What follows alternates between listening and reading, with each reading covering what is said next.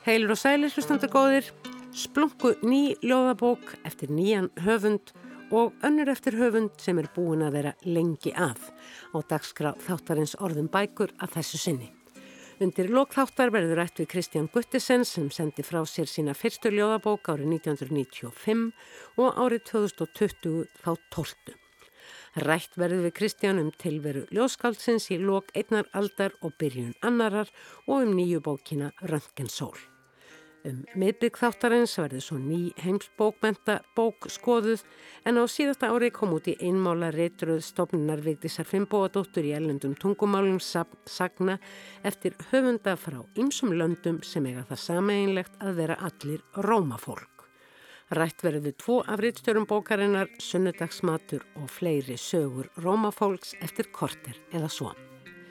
Því við byrjum í bókabúð forlagsins vestur á Fiskislóð þar sem Ingólfur Eriksson og Elín Edda Þorstensdóttir þann 25. februar fagnuðu útgáfu ljóða og myndabókarinnar Klón eftir myndasaga.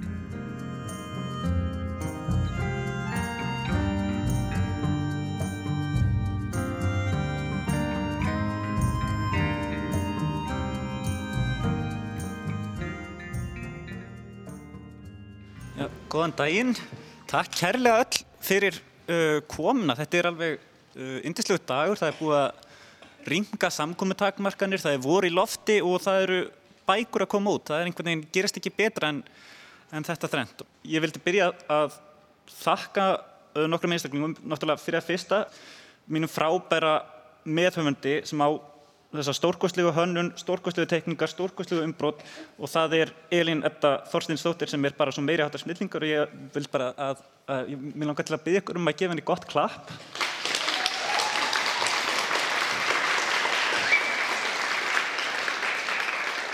Uh, síðan vil ég þakka Rúnari Helga Vignesinni, professor í reitlist sem er hérna einhver staðar. Ég byrjaði að skrifa þetta og uh, ætlaði raun ekki að gera þetta um, sem eitthvað grín. Og hann kom upp að mér eftir tíma og, sagði að ég ætti endilega að halda áfram með þetta. Sen var ég komið í svolítið öngstræti um, með þetta voruð 2020 þá hvati Fríða Ísberg með til að halda áfram. Hún hafi hún þakk fyrir. Og síðan var það, var það Úa Mattíasdóttir uh, útgáfastjóður forlægsin sem tók sensin á þessari bók og Sigtrúður Silju Gunnarsdóttir sem að reytstýrið þessari bók með miklum sómat þannig að bara takk þið öll og ég ætla að lesa núna um, ég var að hugsa um svona þrjá af tíu köflum. Hvort vil ég tvo eða þrjá af tíu köflum? Nei, ég ætla að lesa fjóra. Uh, fyrir ekki, ég ætla að lesa fjórðakabla ekki fjórakabla og ég ætla að byrja hérna á fjórðakabla Salvador. Fjögur Salvador. Morgunmyrkrið hjekk til sínis Haldu þig við námsbækurnar, listin er ekki fyrir þig Kennarinn sparaði ekki stóru orðin. Hann skvetti þeim á vitund mína svo undan sveið. Pollokkverk á huga. Sagði okkur síðan frá Dali. Salvador var hugssjónamadur. Hann átti bróður sem hétt Salvador. Sá dó áður en Salvador fættist. Salvador kynntist aldrei Salvadori. Ef Salvador hefði ekki dáið, þá hefði Salvador aldrei orðið Salvador en til þess að hann erði Dali var nöðsynlegt fyrir hann að vera Salvador fyrst. Það er kannski surrealist, en sko, þegar Salvador dó voru fóreldrar hans óhuggandi. Þau liðu um húsið eins og draugar, hættu að fara út á meðalfólks, hættu að borða, hættu að hyrðum sig, hættu að tala saman, hættu að lifa. Hús Dali hjónana varð gravreitur, gravreitur hinn að lifandi dauðu. Svo varð frú Dali ólétt. Eftir nýju mánuði fættist barn. Barnið hafði engan vísi að yfirvara skeggi og hafði aldrei lesið fröyt. Allir sögðu, mikið er þetta fallegt barn. Þetta er ekki barn, sögðu Dali hjónin. Þetta er Salvador. Salvador fættist sem barn en sorgin gerði hann að Salvadori. Sorgin ætti aldrei að skýra barn. Salvador fannst gullrætur vondar. Fóreldrar hann sögðu, mikið er Salvador skrítin í dag, hann sem elskar gullrætur. Salvador var lélegur í fótbolta. Fóreldrar hann sögðu, mikið er Salvador skrítin í dag, hann sem er svo mikill íþróttamadur. Salvador var hrifin af draumum.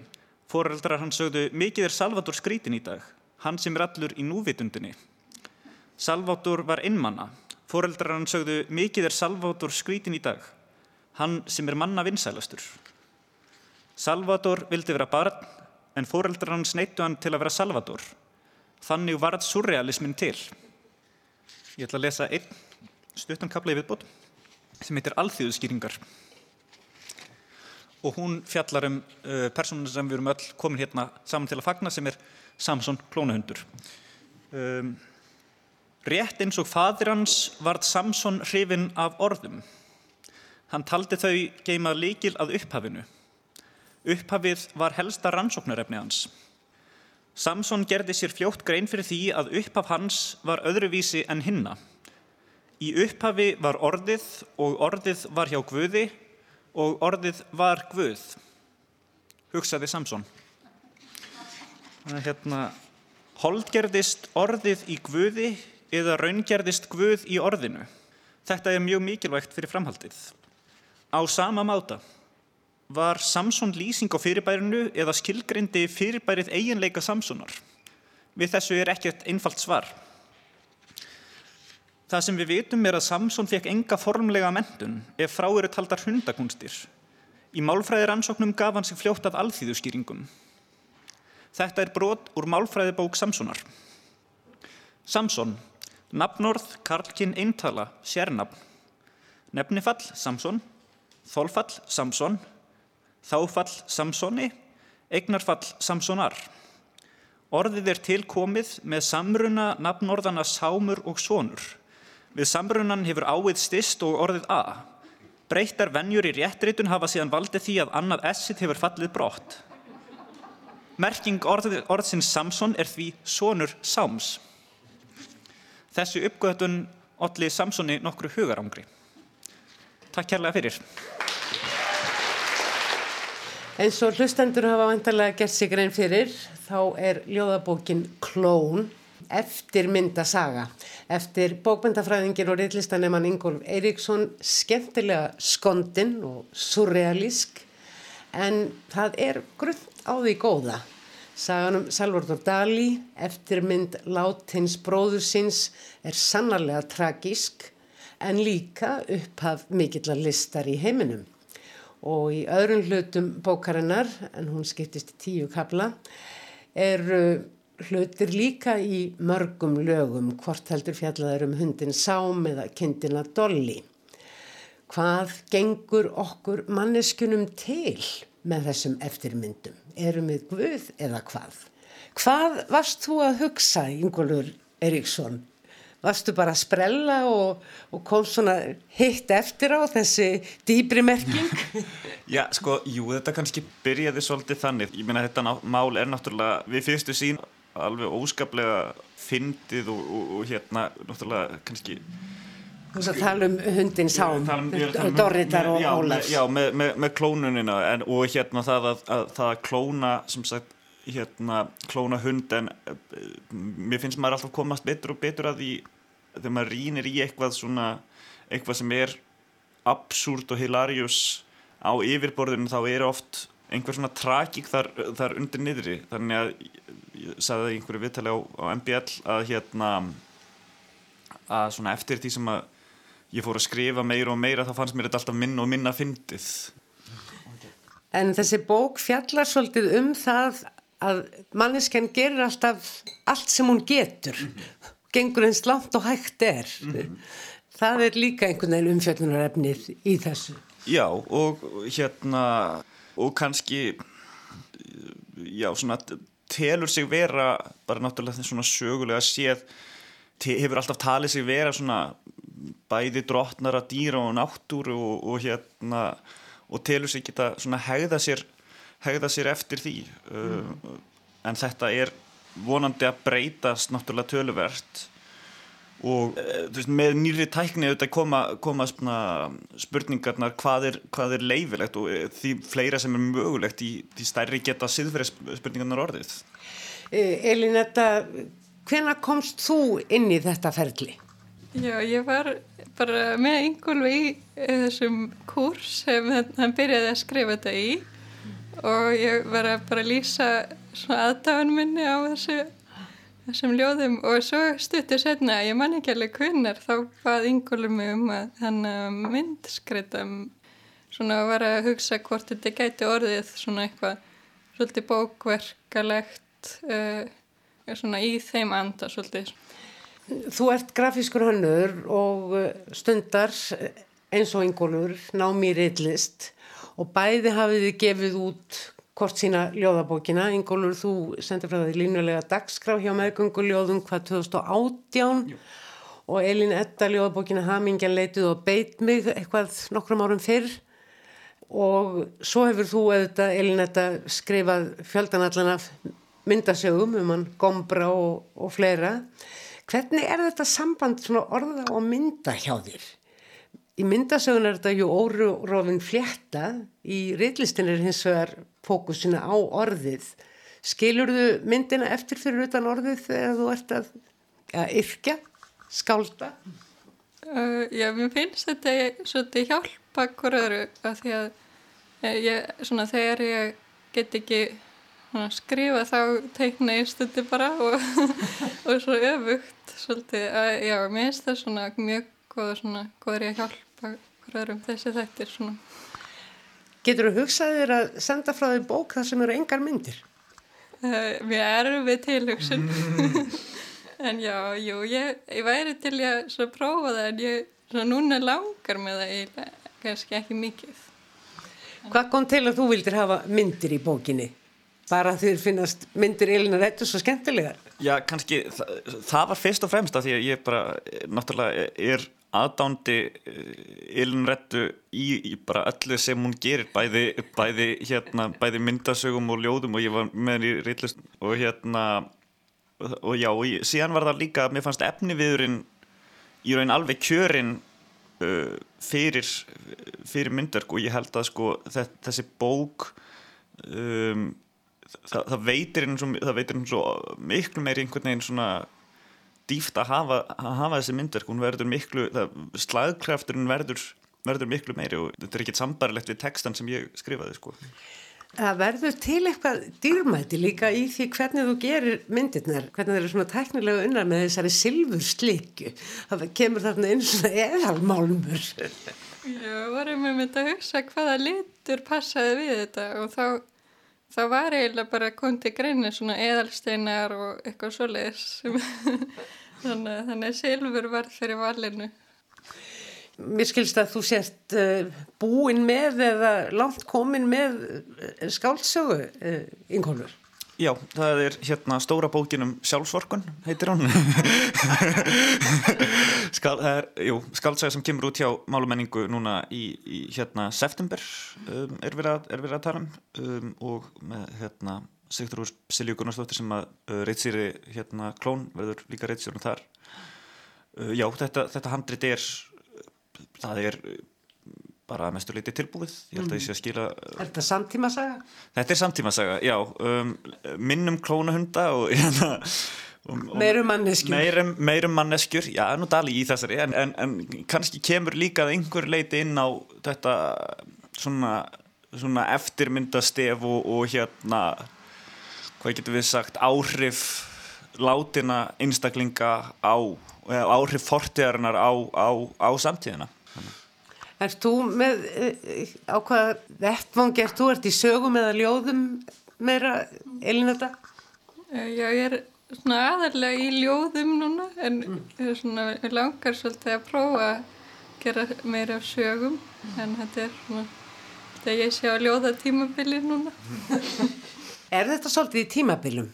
Ræður formið svolítið sko því hvernig maður hvað maður fyrir að skálda um formið sem maður verður upptekin af svona kannski sérstaklega þegar maður er í námi og er að kynna sér hinn ólíku form og svona svolítið að æfa sig í þeim. Ég, ég veit ekki. Hvað hva finnst, hva finnst þér Elín? Ég held að ég allavega get ekki á erfitt með ákveð að gera eitthvað ákveði form held ég. Svona, en það er gott ef þetta verið í svo námi upp á það að, að þú þarf að gera eitthvað sem þú mundir annars ekki gera endilega og svona mm. þannig að þá kynnistu þig og kemst í þetta form kannski.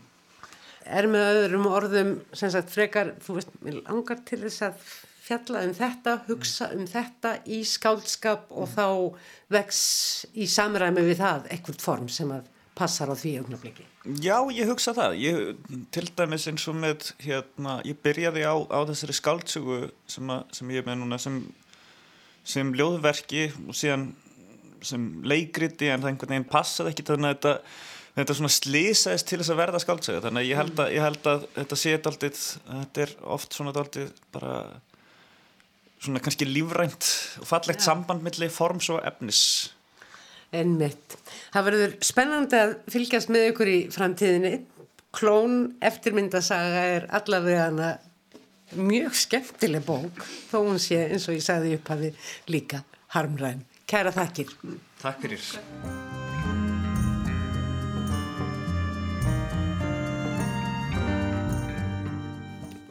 Ekki alls fyrir löngu kom út í reytröð einmála útgáfa hjá stopnum Ríkisa Fimboadóttur bókin Sunnudagsmatur og fleiri sögur Rómafólks.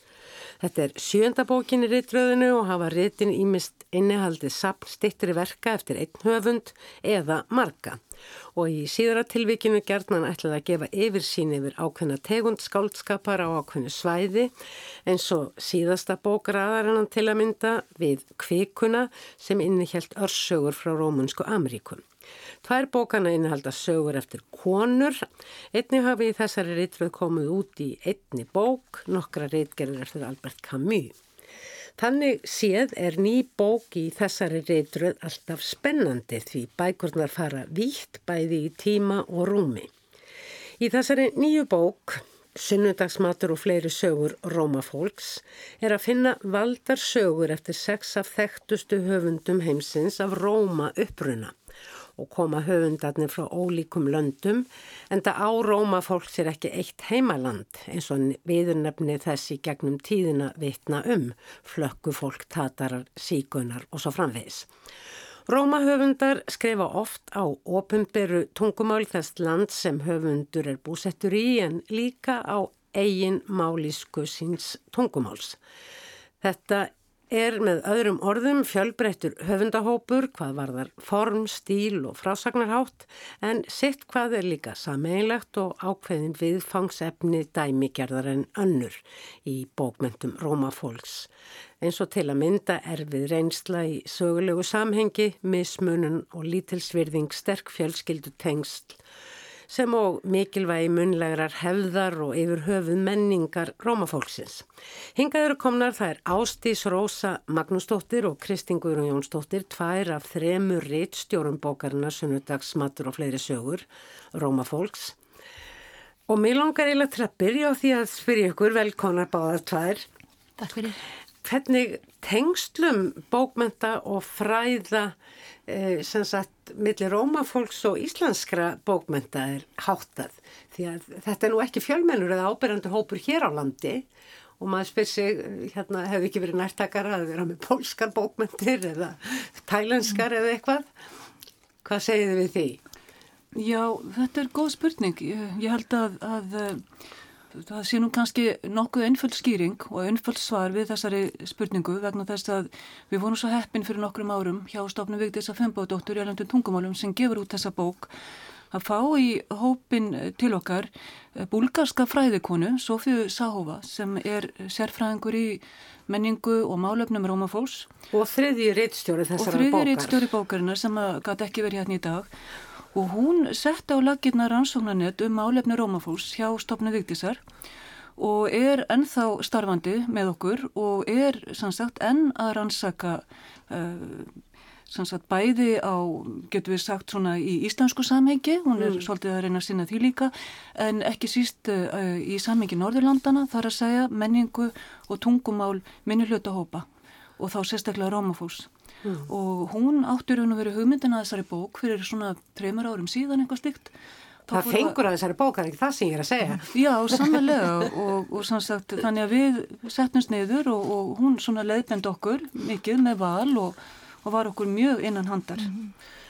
Það vil nú svo skemmtilega til að Sofía Sakova að ég hef hitt hana og tók við hana viðtæla árið 2014 þegar að hér var haldin ráðstefna um einmitt menningu Rómafólks í Háskóla Íslands og þá rættum við eh, lengi um bókmentir þessa hóps og mér langar eiginlega áður en við fyrirum að tala um bókina að heyra stutt brot úr þessu viðtali þar sem hún dregur svona saman helstu enkenni rómiskra bókmenta samtímans. Mm -hmm. Mm, there are several features that allow, allow, us to speak about Romani literature mm.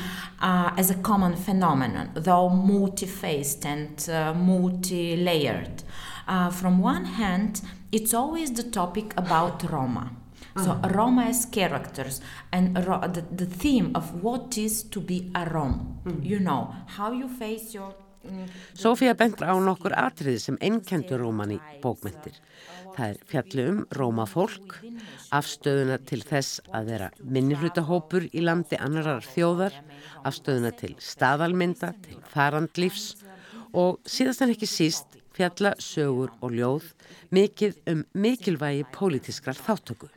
Það er talsvert um personusögur, sjálfsæfisögur, frásagnir og réttgerðir sem síðan verða grunnur fyrir ákveðnar kröfur rómafólks. Politically engaged. It, they always claim the right to be Roma, planning historical events. Uh, in uh, many short stories and novels, you find the background of the historical events. What do they do to Roma? Mm-hmm. And uh, the, the, the, for example, the topic of uh, um, of the Roma Holocaust that is treated mm-hmm. also by many Roma in autobiographical books or just autobiographical uh, novels or mm-hmm. Essays we can really trace a common development. Mm.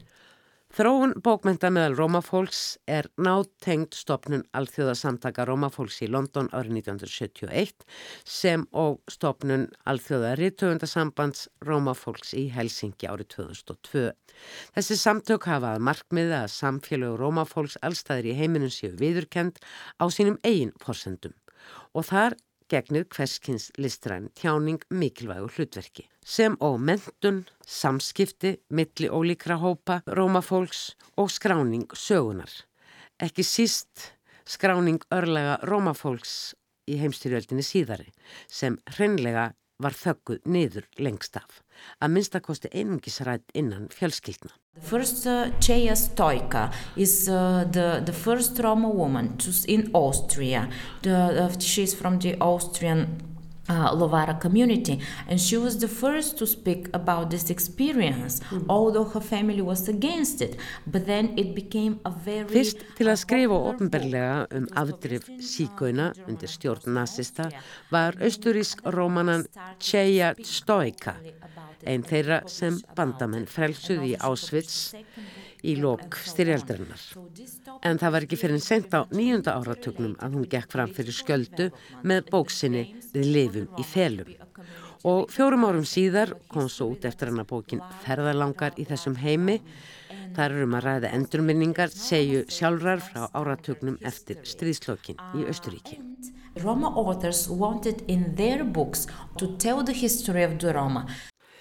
Já, þetta er sem sagt eins og ég komst á rauninu þegar ég fór að lesa bókina þá fjallaðar segja mér ofbáslega mikið um menningu rómafólks á ólíkum stöðum þetta eru jú sex höfundar og einn frá Argentínu í, í Söður Amríku og síðan alveg til, til Úkrænu, ekki satt? Jú, frá Júkoslavíu Skotlandi, Fraklandi Rústlandi hann er reynda fættur í Ukrænu mm. og Tjekklandi. Og við fáum að vita mjög mikið um svona menninguna. En samt er þetta ólíka sögur. Hvernig út frá hverju genguði? Vildu þið svolítið upplýsa okkur líka um þennan bakgrunn, þessa sögu sem við veitum í rauninni sem lítið um? Með valið? Já.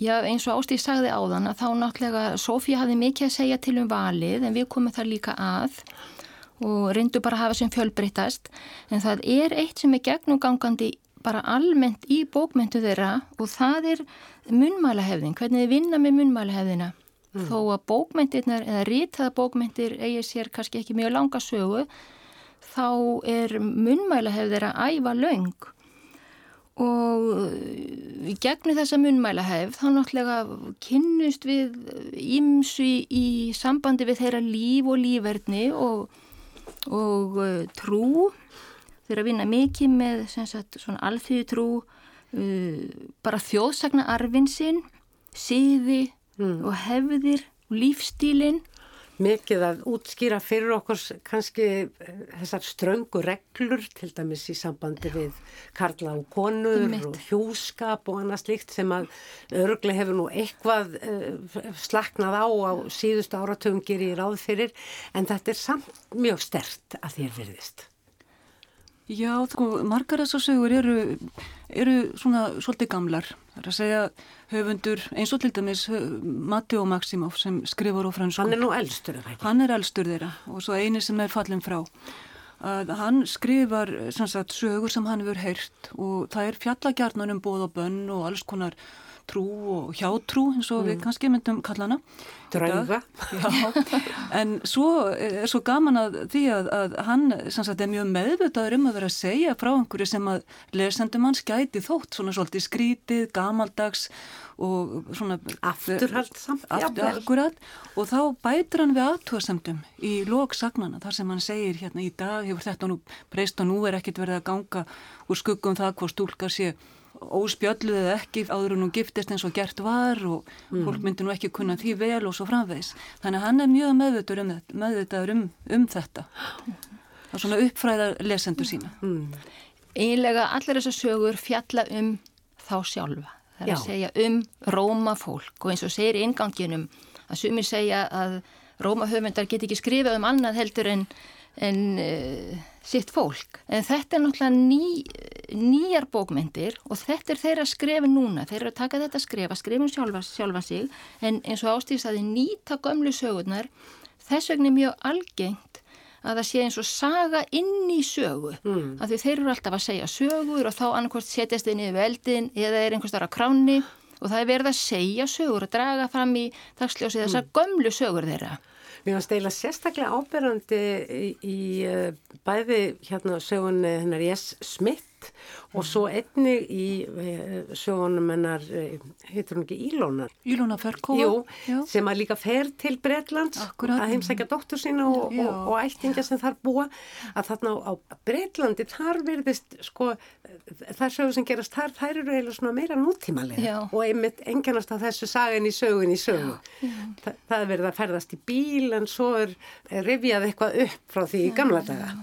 Já, það er aldrei verið að fræða okkur um þeirra líf og eins og eh, Maximov gerir líka með svona þessum lungu klausum eftir sögurnar En uh, til dæmis eins og hann gerir líka hún hérna Jess Smith frá Skotlandi, hún er að draga fram í dagsljósi gömu lög, þetta er svona alltaf fræðandi. En samt er þetta líka, finnst mér skemmtilegt og, og eftir sömar sögurnar stendur maður eiginlega alveg aktofa, býtu nú við, dóðu bæði eða lifðu þau eða, eða hvað hva gerðist eiginlega? Og þessar sögur með, með draugana, býtu hver var það sem að skrifaði þær aðal sannlega. Já, það er til dæmis Jasmith en líka Matteo Maximov og þetta er nú draugatrús sem að kannski er, er okkur ekkert svo fjarlag hérna Alls á Íslandi í okkar menningarheimi og í okkar hjá trú, svo múst að ég eða trú. Mm. Og það er líka einn saga sem er eiginlega hálkið hlýðstæða við sögur sem við þekkjum vel. Djáknur á kannlega. Mér var það mitt hugsað til, til hennar. En þetta sem þú varst að segja, Kristín, með þetta uppfræða og kannski líka að halda að þessar sögur allar fall ekki gleimsku. Já. Þetta sjáum við hjá fleiri þjóðum sem að búa við tilturlega ungt reitmál meða við svona almennt í vestrætni menningu eins og til dæmis hjá grænlendingum eða sömum. Grænlendingar eru ju nýlandu þjóð og undir þeim kringunstæðum byrja þeir að skrifa sínar bókmyndir. Samar búa meðal fleiri þjóða og það, þeirra bókmyndir hafa lengi vel fjallað nánast engung um þá sjálfa og þeirra sögu og vinnu aðferði lífsmáta og, og svo framvegis. Þó það sé mikið að breytast núna. Er þetta ekki líka breytast í þessu? Þetta bara, það er svo mikil, miklu meiri reyfanleiki núna, interneti og ég veit ekki hvað. Já, ég held að þetta sé mjög, mjög skiljanlegt og þegar að hérna bæði eins og þú segir, þú minnist á ungt rytmál og uh, það er þessi þörf að, að, að varðveita og kannski líka þegar uh, sagt, lifnaðarhættir breytast og, og fólk átt að segja því að börnin munum kannski ekki alast upp á sama hátt og, og það gerði sjálft og foreldrarnir og, og afarnir og ömmurnar og allt þetta að þá kannski kemur þessi viðleitni til þess að skrifa niður og segja frá en svo kannski líka annað sem að spila þarna inn og það er svona þessi, þessi mótun sjálfsmyndar uh, rómafólks sem er líka Já. mjög mikilvæg. Þetta er ju svo, Já. sko, ég man ekki eftir að hafa nokt að lesið hvað Eh, fólk á Róma uppruna eh, sé sko fjölmennur hópur á heimsvísu. En þetta er þarna ég laði ekki eins og minnið, þetta eru svo margir ættbolkar og skiptust eftir áttum og löndum og hvaðina Þa, það, það er alveg rétt að, að þetta er mjög fjölbreyttur hópur þótt ímislegt sameini rómafólkið eins og til dæmis það að tala tungumál sem á rætur að rekja uh, eh, væntanlega til Indlands ja og þó það hafi þróast á ólíka vegu við sveðurum heim og svo líka þessi menningararfur sem að er sameinlegur og sem að maður svona áttar sig á þegar maður lesa þessar ólíku sögur mm. að, að, sagt, að, að hvað þetta fólk á margt sameinlegt ekki bara þess að þjóðfélagstöðu að vera minnilhjóðtópur en líka alls konar erður, hugmyndir. Já, hugmyndir og, og minni og ímislegt En svo líka eitt sem að bæta við að um, þeir eru að skrifa um sig og sína sögu og sínar hefðir og trú og svo framvegis.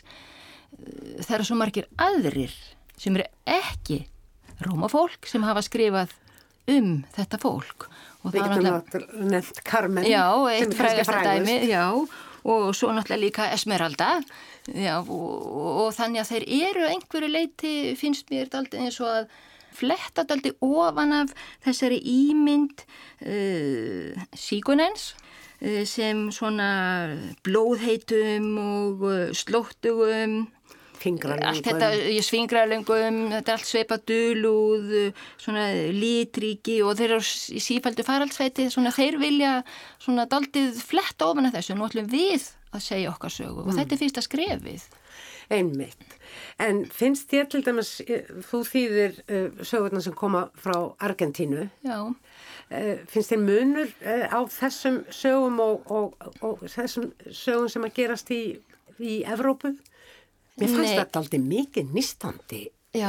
og bara aldrei óvögnarlegar í raunsæði sín. Þannig að eitt sem að mér finnst sko þeir hlýfa ekki sjálfum sér og það er grimd í sögunum þarna líka og þeir eru að segja sína sögu en þeir eru ekkert að sko, þeir hlýfa ekki sjálfum sér mm. þarna laurunga eigin menn, eigin konu sínar og ímislegt í þessum dúr þannig að þetta er hluti af þessu sem við fáum að heyra um mm. hvernig líf þessa fólks er Við höfum kannski svolítið gott af því að lesa þetta svo við höldum áfram í, í upphaldsfræðinni og uppfræðslunni sem er nú hlutaðis en ég vil taka það enn og aftur fram þetta eru mjög skemmtilegar og áhugaverða sögur. Maður sökvið sér algjörlega ofan í þær þegar maður byrjar að lesa. En ég árun fyrir ekki að þau að þú varst að segja eitthvað ólíkt með argentísku sögurum það sem kom mér daldi óvart fyrst þegar ég fór að skoða þetta allt svona í samhengi og þessar sögur það svo margt svipað sem kemur fram í þeim út af lífstilnum þeir eru eh, svona glíma við sömu vandamálinn og þarna koma til dæmis bara eitthvað svona einfalt eins og múldýrið eða kerran uh, mm. það er sama vandamálið í sögunum frá Argentínu og frá Rúslandi eða frá öðrum, öðrum löndum það er einhvern veginn bara því það er eitthvað samilegu lífstíl mm. er þetta ekki rétt hjá mér á stíl? Jú, ég held það og, og ég held að uh, svona mjög dættur út frá því sem þú ert að segja sko, það er til dæmis þetta að vera ekki velkomnir Já. og vera, vera á faraldsvæti en Hvað kalla þeir heina? Gatsi? Já, það er svona gatsi fólk og, og hérna það eru, það eru bara allir Róma Já, það eru þeir sem eru ekki Róma og það er svolítið gaman að því og það kemur til dæmis vel fram í sögunum hennar Ílónu Ferkova sem er frá Tjekklandi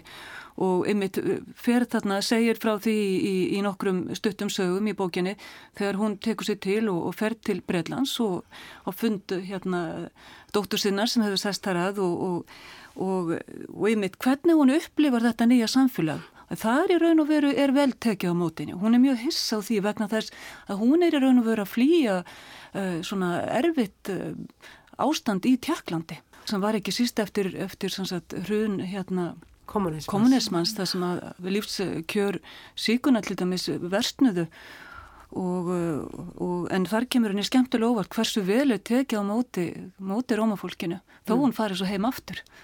Sko þá kemur einmitt þá er þeim tekið illa þegar þau koma tilbaka til heimalandsins. Það sem ég ætlaði að segja þarna áðan Kristín og Ástís Rosa er að lesa um það um hortnaugað sem er eh, beintað fólki eh, á hinnum ymsustöðum út frá sjónarhóli þess þess sem verður fyrir fyrirlitningunni og, og þegar að sagt er frá því á svona safaríkan hátt -hmm. myndi vilja segja og alls ekki af yllgirtni er sagt frá því hvernig eh, þeir eru fyrirlitnir eða litnir hodnauga á hinnum ymsustöðum það er ekki yllgirtni í því það er bara Já. getum við ekki gert öðruvísi. Já, já, já, þetta er svona þegar segir bara frá þessu sem reynslu og raunsannan átt eins og við segjum og þetta er náttúrulega alltaf reynsla hjá þeim. Já, einmitt.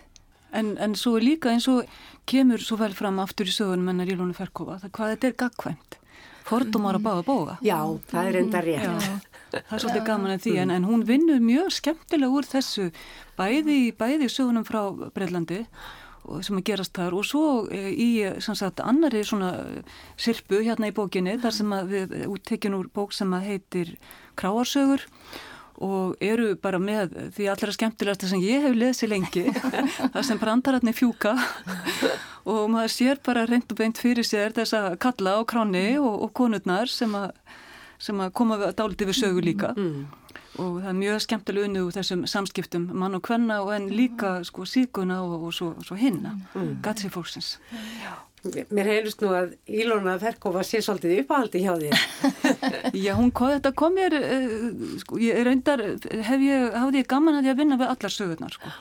En Ílona Ferkova, hún einhvern veginn, já, hún kom mér svo skemmtilega, þetta, voru, þetta, er svo, þetta eru svo lifandi frásagnir og það er svo mikil kimni, mikil húmor og þeir gera svo mikil grína sjálfum sér líka Ég kann vel að metta það. Er það ekki líka vegna að setja mjög nálægt okkur í tímu og eitthvað sem við Já. skinnjum mjög vel. Mm. Við þekkjum þetta Breitland til dæmis eða nútíman sem hún er að fara til.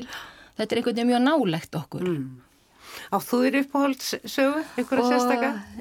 Ekki spyrja með þessu, nei, mér finnst það, ég, það eru mjög ólíkar. Öll börnin mín, já, já, já, já, já, já, akkurat, ég, ég tek bara undir það. mm.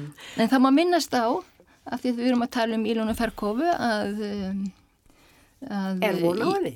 Já, við veitum ekki hvenar en það, eh, það stendur til að halda rómadaga hér í náinni framtíð. Við veitum ekki hvenar eins og ég segi en hún verður einn af gestunum. Það stóðu uppáflega til ef ég má bæta við að þegar, þegar, þegar við vorum að vinna þessari bók að hún er því tilbúin 15. november sem er alþjóða dagur sem sagt rómiskunar og þá ætluðum við nú að hafa eh, mikla hátíð, mikla hátíð og, og fagna bókinni og og hérna fá Jæpi Lílónu Ferkofu og, og Jess Smith sem að er semst mikil sagnakona en það fór eins og allir vita en, en semst við hlökkum mikið til að fá Lílónu Ferkofu þegar að verður þegar þar að kemur. Ég, ég bara óska stopnum Vigdísar Fimboðadóttur í Erlendum tungumálinn til hamingi með þessa bók og þá ekki síst ykkur þremur. Hún var virkilega skemmtileg og gaman að spjalla við ykkur um hana Ástís Rósa, Magnúsdóttir og Kristín Guðrún Jónsdóttir. Mm, takk fyrir. Takk fyrir.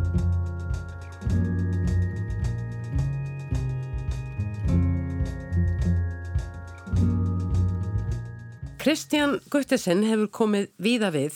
Hann er hálfur færiðingur, fættur í Danmörku, kom úrlingur til Íslands, gekk í Vestlunarskólan og byrjaði að yrkja. Eftir stúdanspróf lærði hann hugbúnaðaverkfræði í Breitlandi, lög síðar mestaranám í reitlist og svo einni í heimsbyggi og síðan kennslufræði. Í augnablikinu vinnur hann að doktorsrannsók sem miður að því að þróa leiðir til að ebla siðferðisfroska nefnda og úlingastíu grunnskóla með aðstóð ljóðlistar. Egin ljóðlist hefur þó greinilega verið þér mjög mikilvæg, Kristján Guttisen. Tólf bækur hefur þú sendt frá þér. og heitir svo nýjasta Röntgensól. Lítil bók í hendi en, og gefin út af þínu eigin forlagi Deus, ljóðin mörg ferum ástina, staðfasta og sem afl og svo er þarna líka að finna allmörg svona lífsbeki ljóður sem á orði komast. Hvernig lýsir þú sjálfur þessari nýjustu afurðinni, Kristján? Hún er, já, bara svona til, tilrönd til að ná utanum mig sjálfan og, og ná utanum um, um tilveruna og bara því, öllu því sem ég hærist í. Ég held að það sé þannig bara með, með sér hverju bók að, að, að þá sé maður að taka stöðuna og, og bara yrkja um aðstæðunar eins, eins og það er byrtast. Þú sendir frá því þína fyrstu bók ef ég mann rétt 1998 Nei, það er 95 og, 95, og þú, mynd, þú myndist þarna á, á Vestlunarskólan að þar var ég sagt, í, í íslensku ég eitt missir eða svo hjá Þórið Helga sinni og, og fór í svona ljóða gerðar já, svona, já, fór í svona smiðjur til hans sem að hann held svona á, á mándaskvöldum, þetta var bara utan skóla og og þar byrjaði ég svona að, að yrkja í fyrsta sinn. Þetta var sem, ég veit nú ekki, smásagnanámskeið en, en, en við endum bara á því að yrkja eintóm ljóð, allir sem, að, allir sem tóku þátt og hérna svo, svo var gefin út svona árbók hérna skáldana í, í, í skólanum. Og hafið þið margið þetta þessa braut eða bara þú? Já, það, það hafa, hafa all nokkru höfundar komið úr þessum félagskap. Sko, þeir sem er að yrkja og, og gefa út til ég er að gera fyrst og fremst út af því sem það gefur að skapa. Bara það að skapa.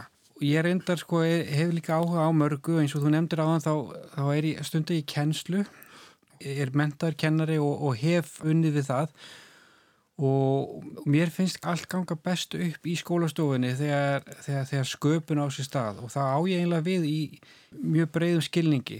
Þegar hérna, kennarin getur verið skapandi varðandi viðfangsefni, þegar nefnundur geta verið skapandi já, varðandi nálgun og úrlausnir.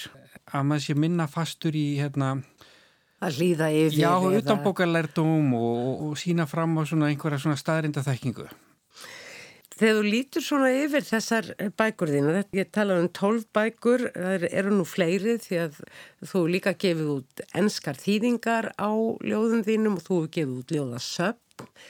Hvernig lítur þessa, þessar afurðir? Segja bækurna sögu þína? Jú, alltaf ekki. Segja sögu eða, eða sína svona, segja frá einhverju leit, það sem ég sjálfur að leita að henni, sko. Svip og ég sagði á þann að maður sé að reyna að bara lýsa heiminum og, og einn lífi bara eins og maður skilur að, akkurat á, á, á því tímabili sem, sem bókin er samin. Og hérna, jú, ég tók ég tekið saman nokkur svona söpn eitt eða tvö.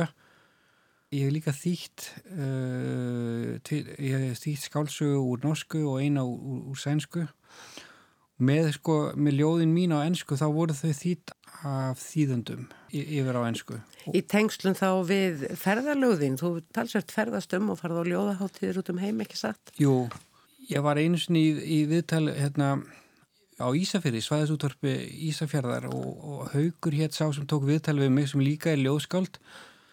Við vorum eitthvað að spjalla eftir viðtali, en við vorum eitthvað að tala um það að fara á svona ljóðaháttíður og þá saði mér að hann hérna, ætti það til að taka alltaf með sér bara efni sem hann hefði unnið að bara í ljósitum og svona og hann væri deilaði út til þess að deila með hann, finnst þetta svo, svo fábreytilegt að mæta bara einhver staðar að lesa upp og, og mér fannst þetta hérna, stórgóð hugmynd hjá hann en, en mér dætti þetta í huga því að ég, ég kann að brjóta um bækur og, og ég kann að ganga frá til prentunar að, að það væri náttúrulega bara langt best að mæta bara með litla bók. Ég byrjaði sko ætla ég hef ekki verið að leið til til Indlands. Ég, ég var að fara já, ég, var, ég, ég var að fara á skáldaháttíð þar og ég let þýða ein, ein, einhver 10-20 ljóð og prentaði þau og tók þau með og var, var bara búin að setja mig þá reglu þetta væri bara til gjafar ekki til að selja og e, e, e, bara, bara ef einhver hefði áhuga á mínu efni þá, þá gæti ég gefið öðrum skáldum eða áhrifundum og, og þetta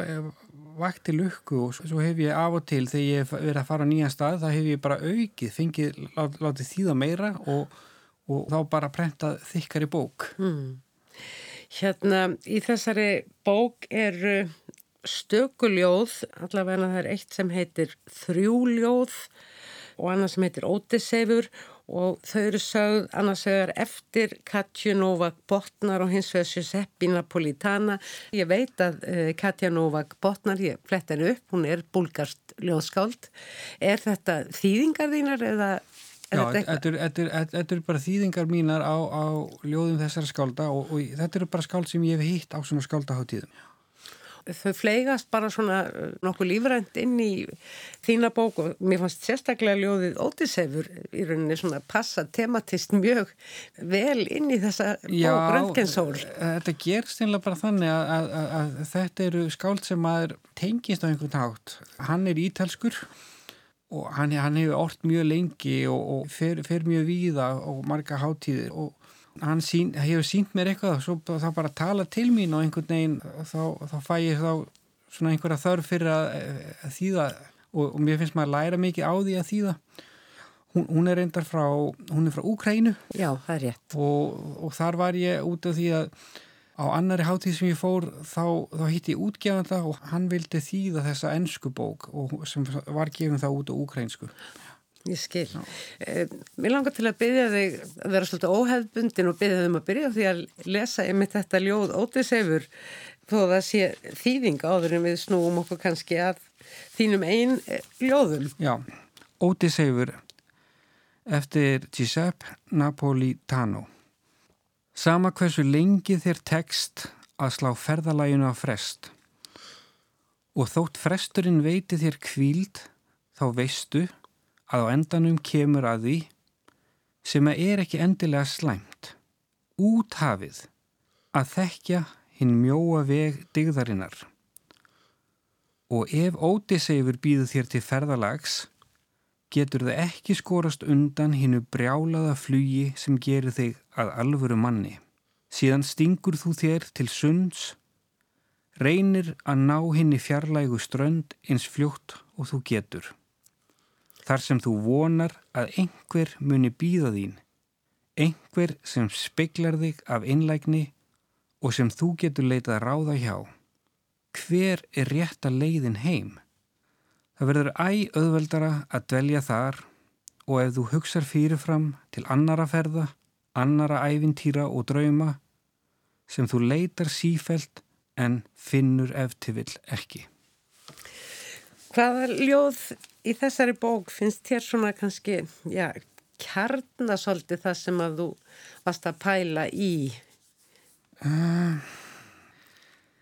ljóð sem að ég, ég set hérna aftan á, uh, á kápina, þar sem ég, ég er að tala um svona kærleiksbóðorð sem að, sem að við erum í raun og veru alin upp við en, en mér sýnir svona að við gleym Seinum ekki. Já, já, já, einhvern veginn það, við verðum bara uppteknir af, af öðrum hlutum og sem, sem ég tel að vera svona mikil svona styrkur í sko, við búum við alls konar bóðabönn og okkur sagt að gera alls konar hluti. Við eigum að, sko, við eigum að hlýða víði við eigum að borga skatta og, og vera góð hvert er annað. Og við erum í raun og veru líka mjög upptökinn sko að því aðri gerða, að aðri fari rétt að þessi hugmyndum kemur sko úr, úr verkum kærleikans eftir kirkigór og hann, hann setur þetta fram sem svona, já, sem svona hálgert skildubóð og, og ljóðið nefnist einmitt Röngin sól eins og bókin. Þú skalt elska sólina, þú skalt elska lífið, þú skalt elska myrkrið sem hopar fyrir ljósinu. Sjálf dimman er ekki dim hjá þér og nóttin lýsir sem dagurinn, myrkrið sem ljós. Þetta svona kemur heim og saman við það sem ég sagði upphafi í sambandi við umfjöllunarefni bókarinnar. Já, já. Eh, kærleikurinn, ástinn, já, sem afl, sem svona einhver megind í lífinu og lífsbeki sem að þú ert svolítið að setja fram. Mér finnst ekki vera stórar uh, spurning, þú svolítið verið að búin að finna einhvern veg. Já, ég hef fundið svona, svona upp á síðkastið eða, eða síðustliðin ár þá hef ég fundið svona einhverja trúarþörf og, og hef leitað inn á við og, og, og mér sínist vera bara mikil lausn í þessu að, að lifa í kærleika og reyna að sína kærleika en, en það er erfitt og mað, mað, maður gleymið sér og maður frekar eftir öðrum hlutum þegar maður vaknar á mótnana sem maður, þarf að koma í verk að koma í verk. Þú mm. kemur ansi miklu í verk sínist mér. Og uh, eins og ég sagði flestar bókaðin eru gefnar út í þínu eigin forlægi og þú brítur um og gerir allt uh, sjálfur hjá Deus. En þú er líka gefið út hjá stærri forlögum bæði hjá Sölgu og Jóðpjafaf er mikill munur þarna á? Það er alveg heilmikil munur og hvort tvekja er mjög holdt það er hérna, gríðarlega mikilvægt að vinna með rítstjóra á svona atvinnu forlægi, maður læri mikið á því. Og hinbóin það, það læri maður líka gríðarlega mikið á því að, að, ganga frá öllu sjálfur og, og, og búa til bók alveg frá upphafi til enda. Og, og það er mjög skemmtilegt. Sko þegar maður lærir inn á alla þætti fellisins þá, þá verður maður einhvern veginn sterkari Svo, svo hef ég líka gefið út sko, með þetta hérna, e- eigið forlag sem ég er með, Deus, þá hef ég líka gefið út aðra höfunda og hjálpa ég, þeim. Ég skil.